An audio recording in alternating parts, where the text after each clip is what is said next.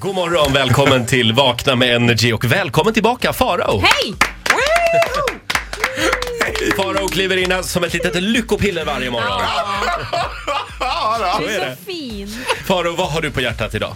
Ja, jag har tänkt på en sak. Det här är något som har förföljt mig större delen av hela mitt liv kan Oj. man säga. För att jag föddes ju varken som man eller kvinna, som flygvärdinna, som jag brukar säga. Alltså jag kom ju ur i sekunden jag föddes. Med en nu. liten puderdosa på huvudet. Ja, exakt. Redo att göra eh, safety announcement. Men i alla fall så var det så här, då har jag tänkt på så här, saker som man alltid får höra som bög, som jag är lite trött på. Och då tänkte jag, jag gör en lista. Ja. Eh, punkt nummer ett.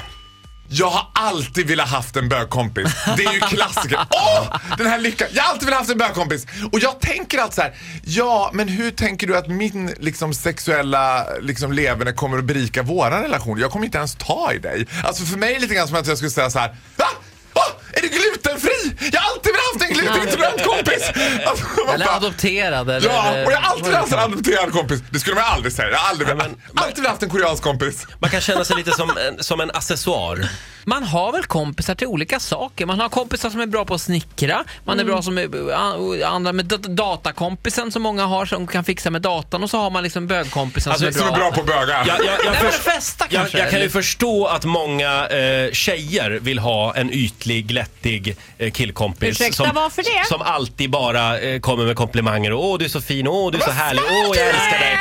Du är min, du är min bästa vän. Det här säger så otroligt mycket av di- om din bild av tjejer. i så alltså, fall. Varför skulle Ja, vi den är vilja gå korrekt. runt med någon som bara talar om för oss hur vi ser ut? Someone is Ja, va- feisty va- today! va- varför, varför gör ni det då? Vad då för något? Gå runt med... bö- Ja, jag, slä- du, jag har försökt skaka av mig bögar i hela mitt liv. De är, bara hänger i klungor runt mig. Punkt nummer två. Är du bög? Känner du Alexander?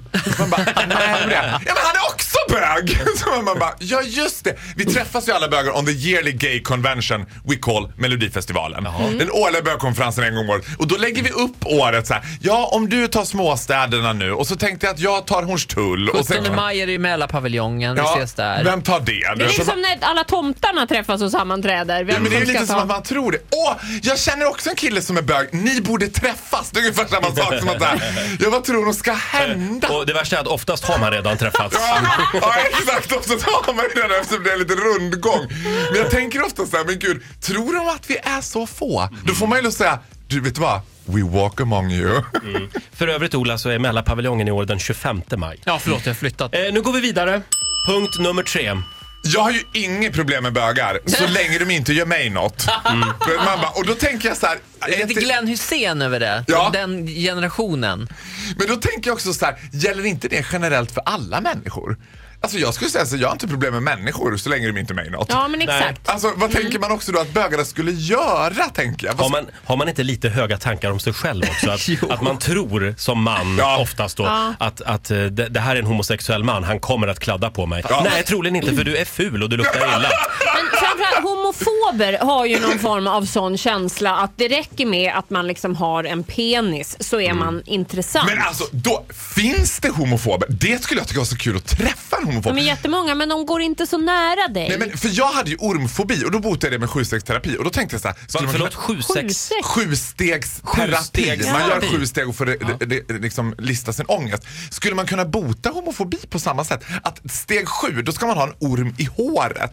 finns ju annat, ett annat, ett annat eh, väldigt skönt och bra sätt att bota homofobi på. Men det tar vi en annan gång. Eh, Ja, det- den klassiska 70-tals chockterapin. Chockterapin som nämndes ut på 70-talet. Den är härlig Roger. Nu Jag var tror jag också på inte den. ens med. Men, men, sit on my face. Eh, Farao, Aj, det- jag är är helt vi lost klara här. där? Där är vi klara. Ja.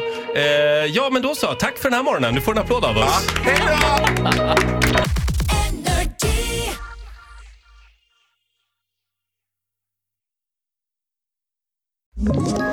Ett poddtips från Podplay.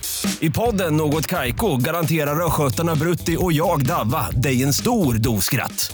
Där följer jag pladask för köttätandet igen. Man är lite som en jävla vampyr. Man har fått lite blodsmak och då måste man ha mer. Udda spaningar, fängslande anekdoter och en och annan arg rant.